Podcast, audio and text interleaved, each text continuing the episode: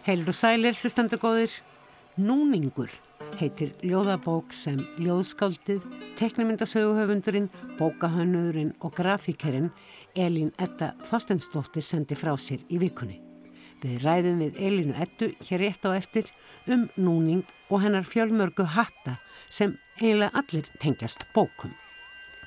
Við hugum líka að tilnefningum grænlendinga til bókmæntavellunar Norðurlandarás en grænlendingar tilnefna ljóðabókina Arcticos Doloros, þjáning Norðursins, eftir gjörninga og myndlistakonuna Jessi Klíman til hérna Gamalgrónuvelluna og ljósmynda samtalsbókina Lillip Silarsúa, heimur Liljar eftir Sörinu Stenholt til barna og ungmennabókmyndavelluna Norðurlandarás.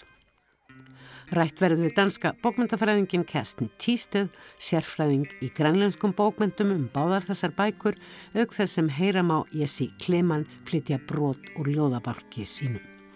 En fyrst er það Elin Edda Þorstensdóttir.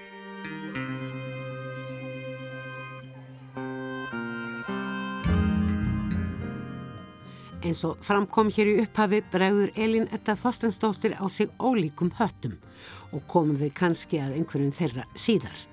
Því hingaður hún komin fyrst og fremst sem höfundur fagur, mósagrætnar, ljóðabókar, núningur.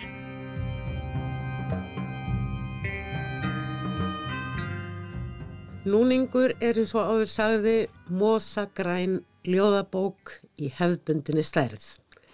Framan á aðeins titillin, nafn höfundarins og orðið ljóð sett upp með sérstökum hætti. Höfundurinn Elín Edda Þorstensdóttir er hérna hjá mér núna. Þetta er þín bókahönnun, þú hefur lært grafíska hönnun og hannað ótal bækur og blöð. Er öðruvísi að hanna svona eigin bóku utan um eigin ljóð eða er þessi hönnun einfallega hluti af ljóðanum?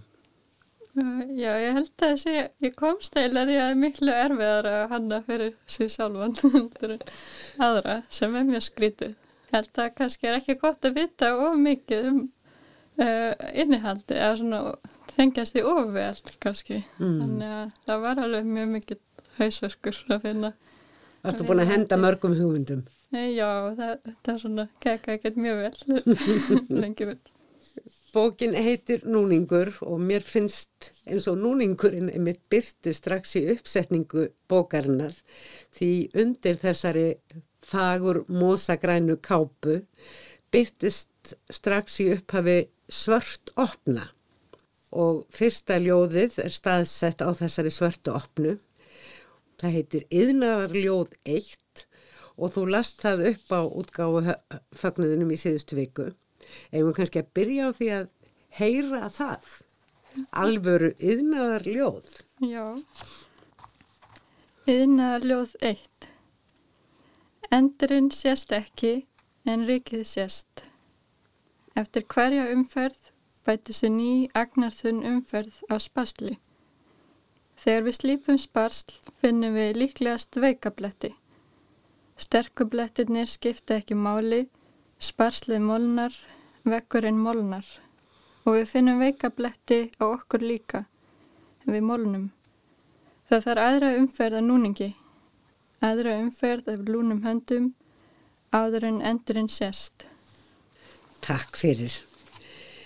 Yfnarljóðin eru alls sex í þessari bók, öll á byggsvöftum opnum og þau skipta bókinu niður í sex kabla af hverju yðnaðarljóð, yðnaður sem sagt rafvirkum pípurlækningar, málun, húsasmíði, það er eitthvað sem við tengjum allavega jafna ekki við skáldskap, hvað þá ljóðlist? Nei, þetta... Já. Hvernig komið þessi ljóð til þín og, og urðu að, að þessum sagt, vörðum í gegnum bókina? Það var til eiginlega í svona rillistarnáski í ljóðum uh, hjá Huldari Breðfjörð það var við kærastu minna að gera upp íbúð og, og það var eiginlega svona gatt lítið annað hugsaðum en hús og, og svona og hvaða, já, hvað þetta er svona mikið af einhverju svona lúmskum verkefnum sem tengjast því að búa einhver staðar og, og svona mm. skapa sér umgjörðum lífið. Já, þannig að svo fætti ég svona, það tengdist svolítið vel bara öllum að svona þessu ljóðasafni að þannig að búa til einhvern svona tilbúin stað og, og maður svona reyna líka samt eftir náttúrun einhverju leiti en, en samt mjög, mjög fjari náttúrun einhvern veginn. Það kemur nefnilega óvart hvað þessi e, þessar vangaveltur og hugleiðingar andstæður og mótsagnir í yfnaði og, og viðhaldi einmitt hús hvað það getur fæst af sér sko, margvíslega myndkverfingar við lífið. Samanbyrð veikublettina í ljóðinu sem er að veika blettin í ljóðinu sem við heyrðum. Og í yfnaðar ljóðu tvö er það undirvinnan sem allt snýst um án hennar fá orðin ekki þrifist. Þar segir við slípum og þyrlum upp reiki orð þrýfast ekki við þessar aðstæður, næsta umferðarsfastli. Og þá kannski geta ljóð orðið til og næsti kapli hafist og svo gengur þetta áfram, endalist sparslað og málað, það þarf margar umferðir af hugsunum til að hreinskilni verður til, segir í einu af þessum ljóðum. Og í síðasta yðnaði ljóðinu er hort á gamlan vegg þar sem ímislegt býr aftan við málinguna þetta hefði eiginlega alveg geta rúmast eh, orðið að myndasögu næstum því eh, þessi yðnaðar ljóð. Hvernig hugsaður þessi kablaskil? Ljóðin þarna á milli hafa væntalega orðið til síðar eða hvernig vinnur þið sem ljóðskáld? Já, þetta var svona svolítið til að mjög löngu tíma.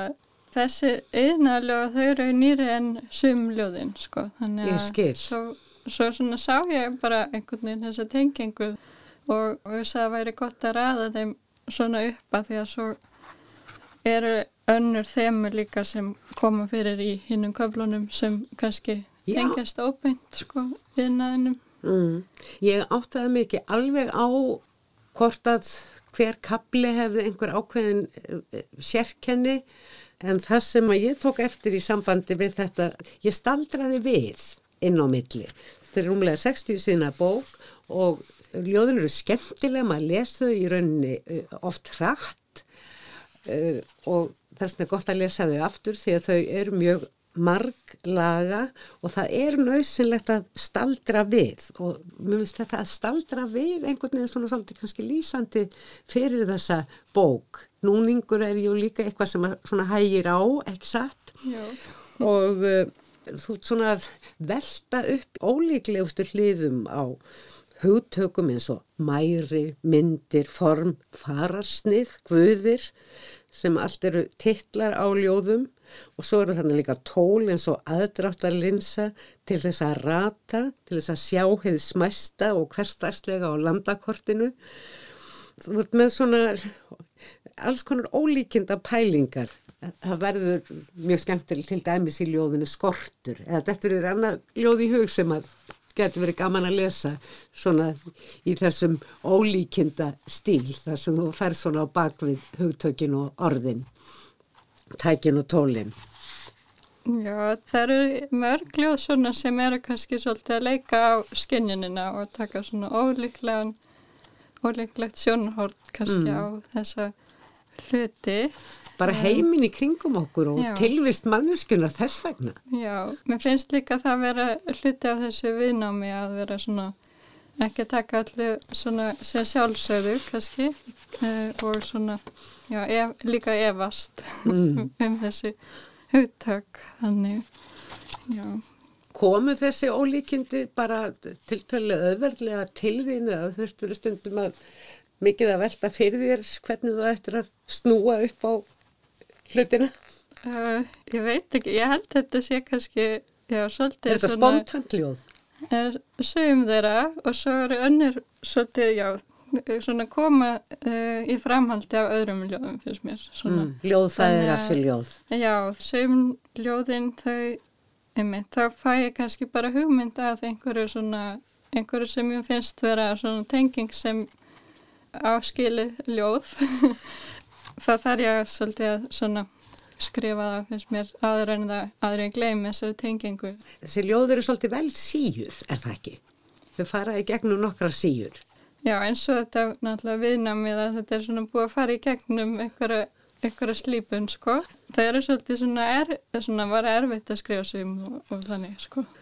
Leðu okkur að heyra einhvert lag, einhvert lag segja. Já, Út af fyrir sig getur við nú verið gaman að gera lög við eitthvað af þessu ljóðum. það er verið gaman. Já, ég veit ekki hvað er best að lesa. En um, er það bara skortur eða? Já, það er skemmtileg Já, mynd. ég er búin að æfa með að lesa. Skortur. Ykkur skortir einfaldari fortíð. Ykkur skortir langa aðgerðarlösa daga og að láta sumt ógert. Ykkur skortir að hafa ekki smakkað allar tegundirnar í ísbúðinni. Ykkur skortir skort sem hægt er að uppfylla, fleiri form sem hægt er að lita inn í, fleiri hjörtu. Jú, mér finnst þetta mjög dæmigert fyrir þessi ólíkindi sem ljóðin í bókinu bera flest í sér. Svo er ljóðið á móti á síðunni, ljóðið sem heitir Vatnið. Það er svona surrealist. Já, já, það er svona svolítið um þetta svona ójafvægi, kannski bæði í e, náttúrunni og náttúrulega bara maður segin líka maður svona einhvern veginn. Ég skrifaði mitt hjá mér spurninguna, er þetta náttúruljóð? Já, Og svo er. Kannski þú lesir það líka. já, vatnið. Móðir missir vatn í sjóin.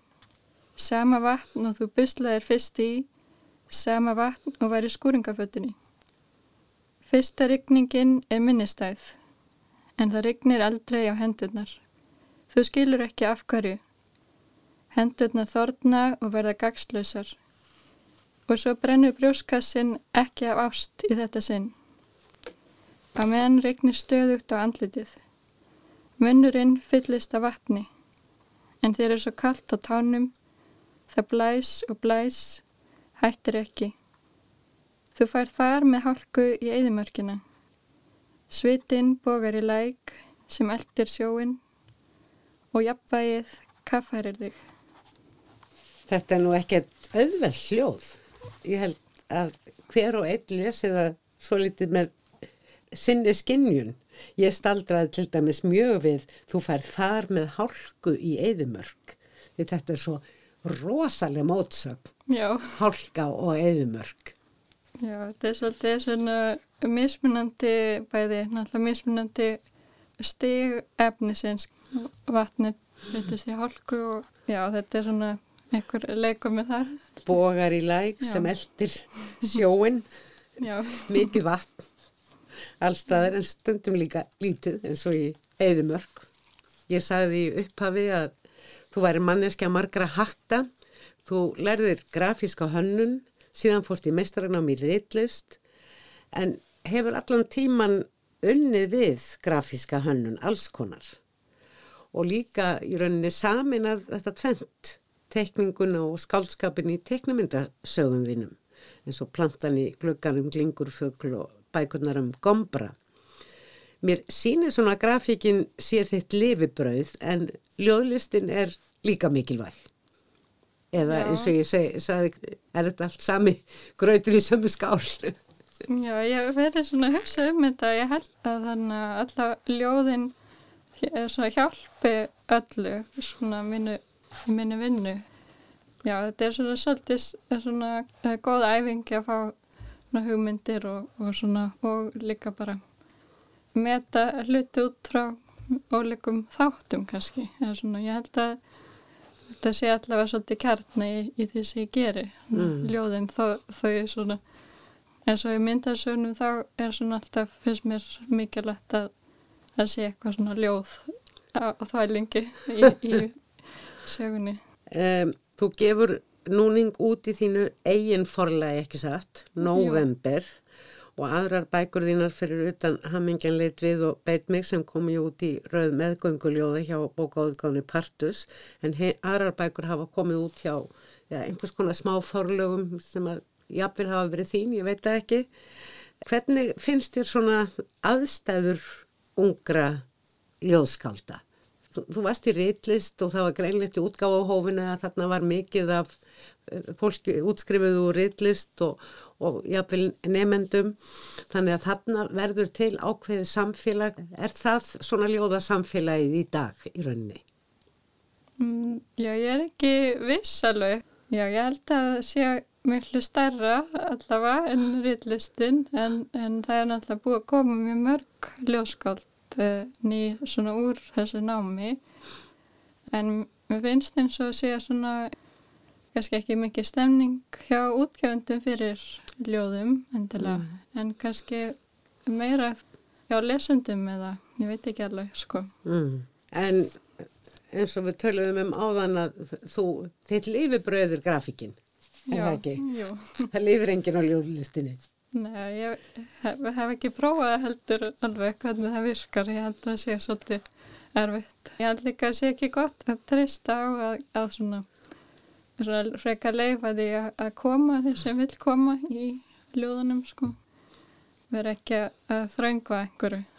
Er þetta fasaskipt hjá þér að uh, fást við ljóð, texta og, uh, og bókstafi og að fást við tekning og stryk og tákn? Já, þetta er alltaf svolítið eins og í bókinni vera, ég er svona að leita að jafnvægi einhver, einhvers konar og ég er alltaf svona að reyna að finna tíma í þannig fyrir þessar svona hugmyndir. Mm. Já, mér langar að gera meira af því en, en það er svona alltaf flókið að finna. Finna tíma frá bröðstritinu, svo að segja, þó að það sé greinilega líka gaman. Þú er mjög fjölbreytt eh, sem þú hefur unnið á sviði grafíkurinnar og bókahönnunar. En það sem er líka ólíkt með ljóðinu og grafíkinni, grafíkinni og hönnunin er ætlað að vekja aðtegli. Í ljóðinu tekur þér frí frá því, ert að tala við einhvern eða ertu fyrst og fremst bara að tjá þeitt innra?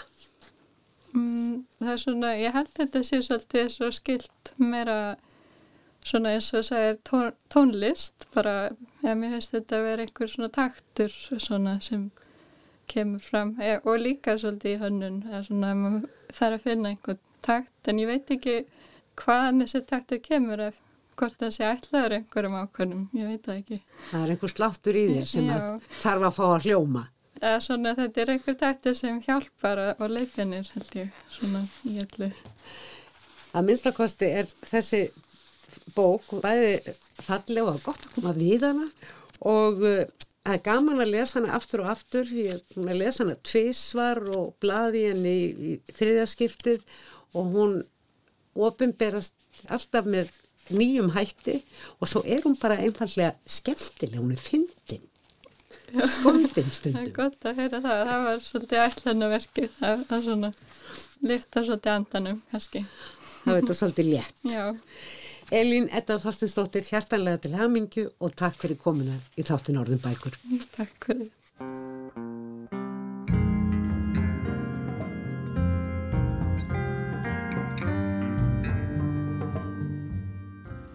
Sjálfstjórnarsvæðin fjögur á Norðurlandunum, Færi, Grænland og Samíska málsvæði sem tegir sig jú yfir þrjú þjóðuríki, Noreg, Svíþjóð og Finnland, fengu ekki sjálfstæðan rétt til að tilnefna bækur til bókmyndavelluna Norðurlandarás fyrir árið 1985 og þá eitt verk. Fjórða sjálfstjórnarsvæði álandsegar fekk þennan rétt svo ekki fyrir árið 2011. Rétt er að nefna að sjálfstjórnaríkjunum er í sjálfsvald sett hvort þau tilnefna eða ekki og eiga þau aðeins sæti í loka domnemnd velununa hafið þau tilnefnd. Grænlendingar notfæði sér til að mynda ekki rétt sinn fyrir árið 1991 og hafa eftir það nær alltaf verið með tilnefningu. Það var svo í fyrra að grænlendingar fengu veluninni fyrsta sinn fyrir skáltsögu Nivjag Corneliusen Blomstedalin eða Blómadalurinn sem því miður enn hefur ekki verið þitt yfir á íslensku.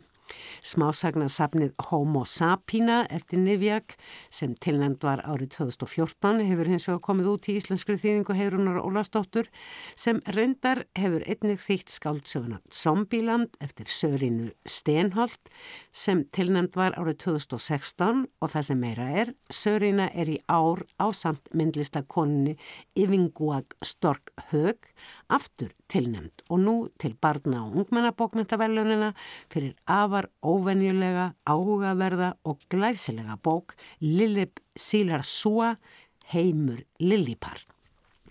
Grænlensk bókmyndasaga í vestrænum skilningir stutt spannar aðeins rúmlega hundrað ár ef miða er við útgáfu nútíma skáldsögunar Sinatugwak eða Draumurinn eftir Mattias Stork frá áruninu 1914.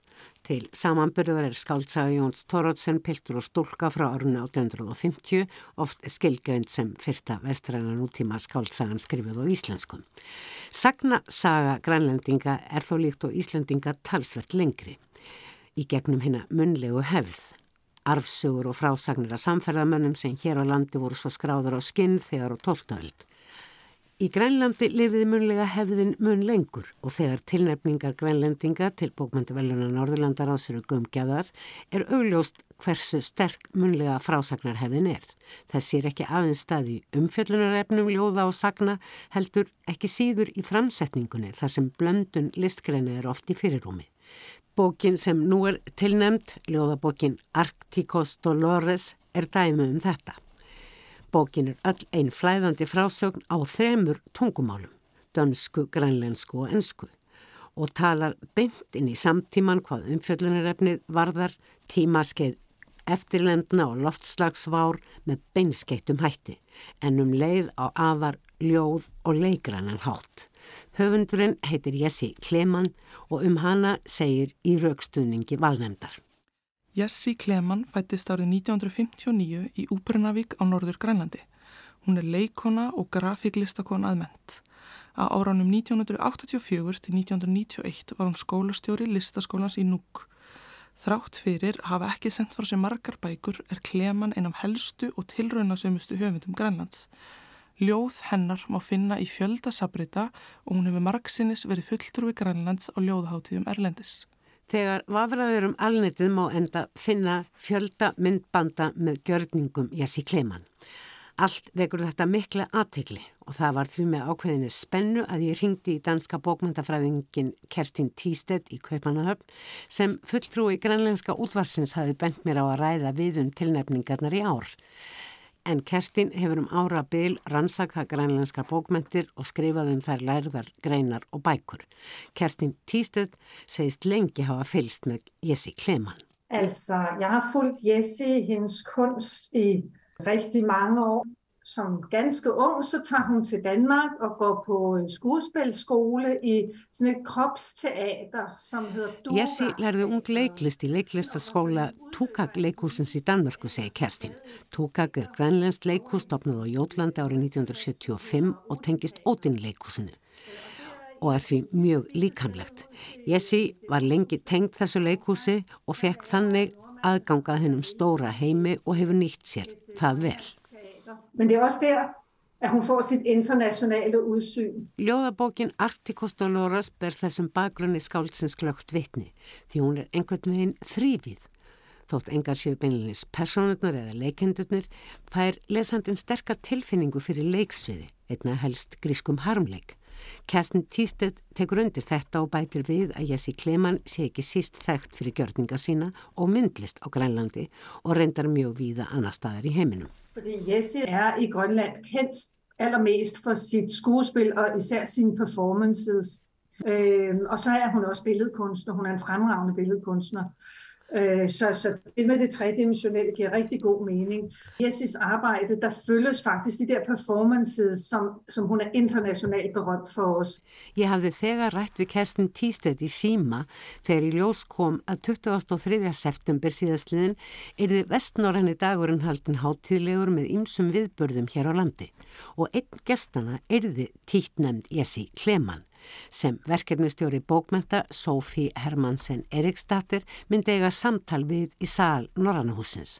Þetta reyndist áhugavert samtal ennmitt um bókina Arcticos Doloros sem eins og áður saði byrtist lesandanum á þremur tungumálum og Sófí Hermansen Eriksdatter byrjaði á að spyrja Jessi út í það sem og titilbókarinnar Arcticos Doloros. Jessi svaraði því til að bók um nattrænt samhengi heimsins og afleðingan í lendustefnunar, bráðnun Ísa og loftslagsvána í samtímanum, hljóti að vera skrifið á fleirin einu tungumáli og grænlenska, danska og enska séu dagleg mál grænlendinga. We already speak several languages in Greenland and um, uh, once I came across a book, The Arctic Dream by Barry Lopez. Mm-hmm. It, it's a novel, but he was traveling Um titilbókarinnar saði Jessi að hann tengdist bók bandaríska höfundarins Barry Lopez, Arctic Dream, frá árun 1986. Þar segir frá ferðalagi höfundarins um norðurkvelið meðal annars Grænland. Í Grænlandsluta bókarinnar segir Jessi er mikið fjallað um jarðveg á Grænlandi en engin veit hversu gamall hann er því hann er falinn undir leifum fornra skóa sem aftur eru huldir ís en nú er ísin að bráðna sem er sársökafull staðrend. Mér fannst í samhengi orðsins Arktik ekki rétt að tala um þjáningu, segi Jessi. Heldur vildi nota áfram forna grísku, nefnilega orðið Doloros, sem hefur líka góðsagnatengingu. We cannot even believe how old it is. It's ancient mythology where you cannot really measure time. I mean, it was covered by, by the jungle or by the forests, by the green livings. And now we see is uh, the ice caps. And it's melting now and it's in pain. Hér rendi ég sér kleman sér yfir í dönskun og þitti jafnharðan það sem hún hafði sagt á ennsku. Þar með þótti Sófí Hermæksen Eriksdættir rétt að byggja Jessi um að lesa einfallega byrjunum á bókinni svo fólk geti heyrt hvernig fjöldtingið í bókinni hljómaði. Hér er ortum landið og vinnuna og veggina sem kvísla. Mikilvægi þess að muna en hvert staðhæfingin um slemt ljóð eitt dólitt degt skildi leiða okkur þótti mér ekki gott að spá í en þíska orðið danke, takk, er með grænlenskum óm ekki ólíkt orðinu danska. Nunatsini i vårt land. Suliwa nakdakbut. Arbejder arbejderne altid. Ikat isusubbut. Væggene visker i sit i cigarettit. Øjne stiger på dig. Kan du huske? Do you remember, sweet, søde inderunagdok? I tell you, et dårligt digt er det, det handler om. Et dårligt digt på dansk, kisut. Ja, på dansk hedder det på dansk. Oh yeah, oh no. Vielen Dank, nichts. Dansk, gedansk. Danke, ra, ra, danke, danke, danske sud, danske sud, su, susos, susos, susos, susos, suaruna, una.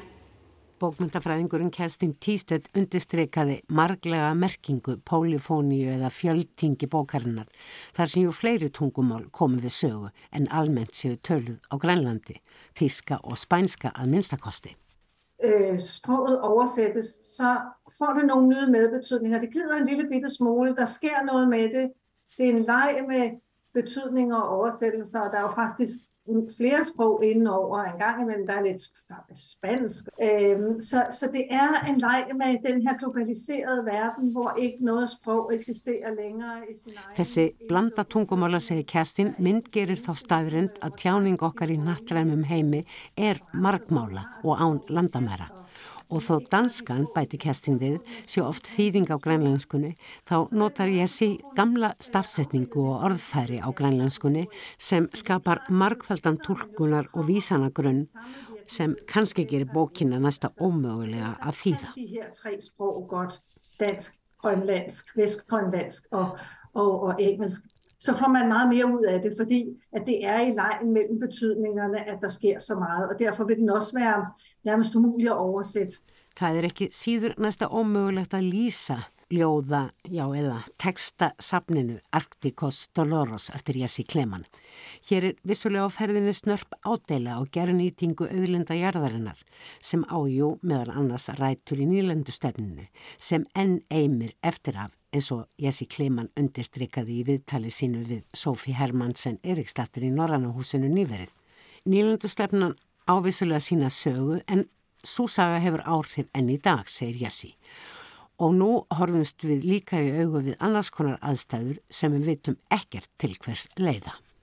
Altså kolonialismen har sin egen historie, men nu er det den nye kolonialisme, som ja. vi ikke ved, hvordan den kommer til at se ud, fordi altså, vi har krig, og the tectonic plates are moving and shaking, og det vil sige, der er også nogle andre i, i, i det afrikanske kontinent. Það eru stríð í gangi, jarðskorpan er á hreyfingu, Ástandið í Afríku, þurkarnir þar, hungrið og stríðin og svo við hér. Ég bý í Danmarku, segi sí. Það sem gilda reglur, hver megi koma og hver ekki. Það er svo margt sem þarf að taka afstöðu til og allt og sjaldan spurt um samhengi millir nýlundustefnunar og loftslagsvárunar. Það hafa jú skapast nýjar aðstæður og við vitum svo lítið. Der er også nogen, der siger, at vi skal til Mars, hvis vi efterlader dem, der ikke ikke kan betale, og resten flytter til Mars. Ikke sant? Altså, vi har hørt den diskussion hele tiden. Og svo er bara sagt, held ég að sé áfram, að við flytjum einfallega til Mars. Það er að segja, þeir sem hafa ráðaði, hinn er verða ju eftir. En það er gammal söngur. Þessum stóru spurningum er hent á lofti í sérstökum nokkuð löngum kabla í bókinni Arcticos Doloros eftir Jassi Kleman og tekstin er lagður í munn anda Ísins, móður Ísins sem samsvarar hinnu forna grænlenska goðmagni móður Hafsins. Í ljóðinu talar Inúa Ísins, andi Ísins um viðvarandi sásaukan, um leið og lofa þeir að vakifur öllu sem lifir og vendir sér í svefni. En eigum eftir að finna fyrir þessari nöðsynlegu endurfæðingu. Bein mín munu brotna og vötn litast rauð, segir í ljóðinu. Blómin, sjáu þau, þau eru hér. Okkur á öllum eftir að verða kallt, ykkur og mér því við verum saman án hjálpar nokkurs tepartís. Det smerter endnu. Jeg pine stadig i mine knogler inde under støvet. Jeg våger stadig over alle organismer de lever og vonder sig i søvnen. Det skal gøre ondt endnu under denne genfødsel. Mine knogler skal knække, og vandene skal bløde. Mine blomster, se, her er de. Mine mennesker fryser, og de er billedet på mig. Jeg er Arktikos og ikke alene. Jeg skal fremmane tiden som et menneske og aldrig ved hjælp af deres tea party. Så glem eller glem. Glem nu så ikke dit elskede liv efter dette. Det grønne skryder frem mod lyset gennem røddernes lange arme.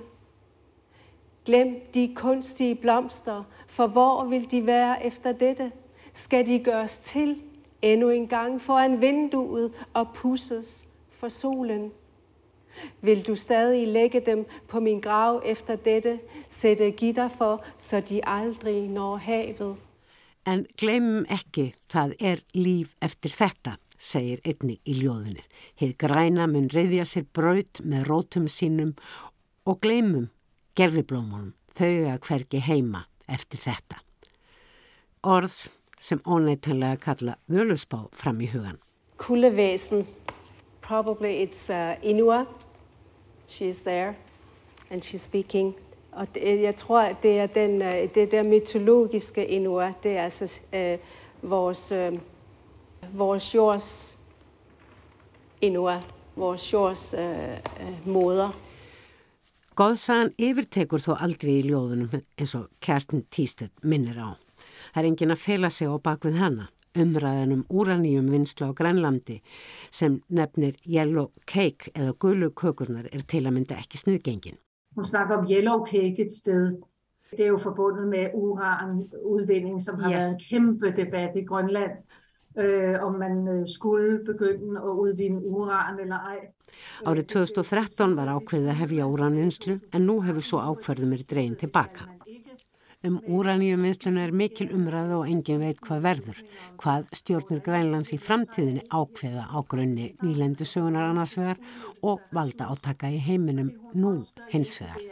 Hun jo så kobler til, til det geopolitiske udbytning, der også har været via kolonialisme og så videre, og som jo stadigvæk langt hen definerer den verdensorden med globale magter, der slås om magten Bókinni líkur svo á fallegum kabla um perluvefnað grænlendinga, handverkið sem brýðir þjóðbúningin og berst kynsloð fram af kynsloð en minnir um leið á framandi staði og sagnahefðina. Til allersidst taler hun om perlehænder. Hvad har de lært mig? Perlehænders kærlighed. Perler, perler skifter hænder. Det er jo øh, et billede, der hentes fra øh, den grønlandske perlekæde øh, fra Nationalparken. Perluhendurnar vinna sitt verk undir sagnanið sem er stöðugum breytingum undir orpin.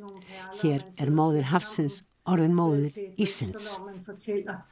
Så det der Arcticus Dolores det der isvæsens gestaltning, hun har kreeret, er jo også på en eller anden måde et gestalt for forfatteren og forfatterens skrig her, som, som værket her jo er. Kjartan Týrsted heldur því fram að hér stýju höfundurinn fram, skáldið með sitt mikilvæga erendi, hrópið, sem þetta verk jú er. Það er ljóst að Kerstin Týstedt er afar ánað með þessa tilnefningu grænlendinga og það sama má segja um tilnefningu þeirra til barna og ungmennabókmyndaveluna Norðurlandaráðs. Lillip Sílar Sua, heimur Lillipar eða heimur Lilju eftir þær Sörinni Steinholt og Ivanguag Störg Hög. Kerstin er beinlinis stórhrifin. Jeg er fuldstændig vild med den her. Lillip Sílar Sua hedder det Lillis verden. Heimur Liljar er ljósmyndabók, stór í sniðum bæði hvað umfang og blaðsöðu fjölda varðar. Á hverri opnum á sjá litrika ljósmynd af Lilli og mömmu hennar, höfundi bókarinnar Sörinni Steinholt. Það er tala saman og orðin sem þeim fara á milli eru í teiknimyndasögulegum talblöðrum. Þetta eru valin samtöl frá ákveðnu tímabili frá því Lilli er þryggja ára og fram til þess að hún er nýjára aldri. Þetta eru með öðrum orðum nokkus konar dagbók Liljar og mömmennar. Þar sem spurningar bassins og staðhæfingar byrtast og tilrönir móðurinnar til að svara satt og rétt sem og íhuga ymsa staðrendur sem blasa við í lífinu í kringum þær. Það skal viðurkjent að ég er ekki síður en Kerstin Tístedt hrifinar þessari bók. Um leið og ég spyr hvort þetta sé ekki raun frekar bók fyrir fullóðna. Óvinnileg vissulega en samt. Kerstin segir þá spurningu skiljanlega og að hún sjálf hafi sannlega haft mikla ánægja því að fylgja eftir þroska Liljar í stuttum setningunum í bókinni. Og ja, det er fuldstændig fantastisk at følge hendes små, sjove sætninger efterhånden, som hun udvikler sig og bliver større og større. Før tænkte jeg også, hov, hvem er det her overhovedet henvendt til? Fordi nogle af sætningerne tænker jeg, det er jo mere til den voksne som sidder og læser og det fann ég hurtigt ud af að það er den Börn hafi hins vegar líka gaman af spurningum Liljar og þekki slíkt oftar en ekki frá sjálfum sér. Auk þess sem þessar spurningar og svörin bjóði upp á fjölbreytilegustu samtöl millir barna og fullorðina sem og hérna fullorðnu við höfundin som øh, er lavet af en af Grønlands rigtig gode unge kunstnere i Vingemark Stork Høgh øh, hvor hun har taget øh, samtidig fotos, altså morens fotos, og så har hun lavet collager med dem i de her farvespråkene. Fantastiske billeder.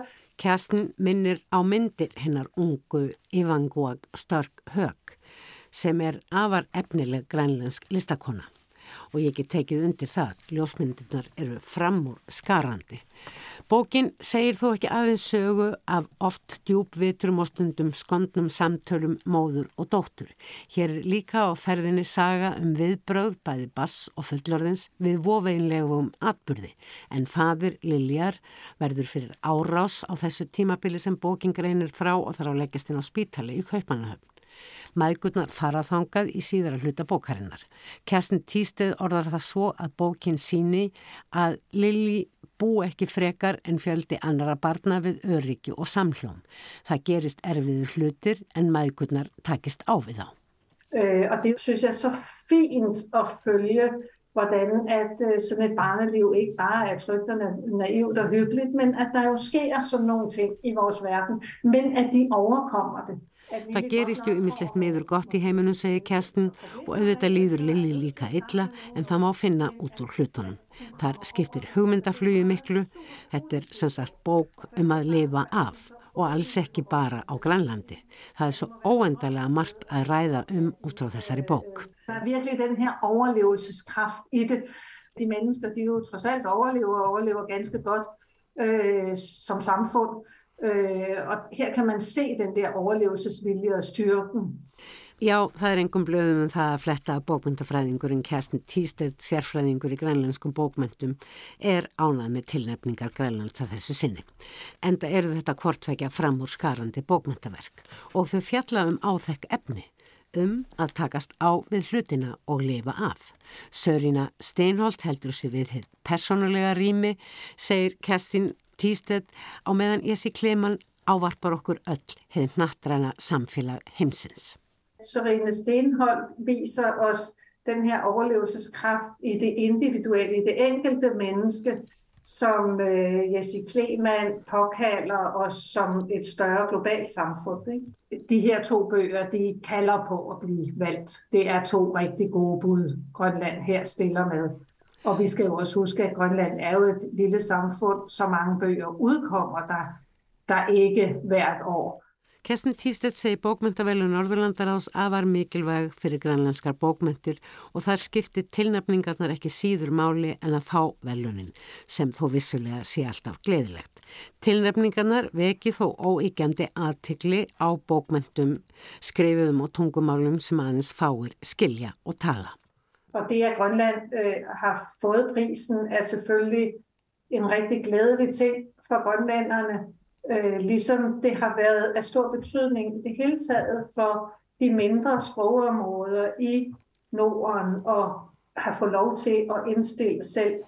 Þar með hver ég Kerstin Tístedt og þakka henni samtalið.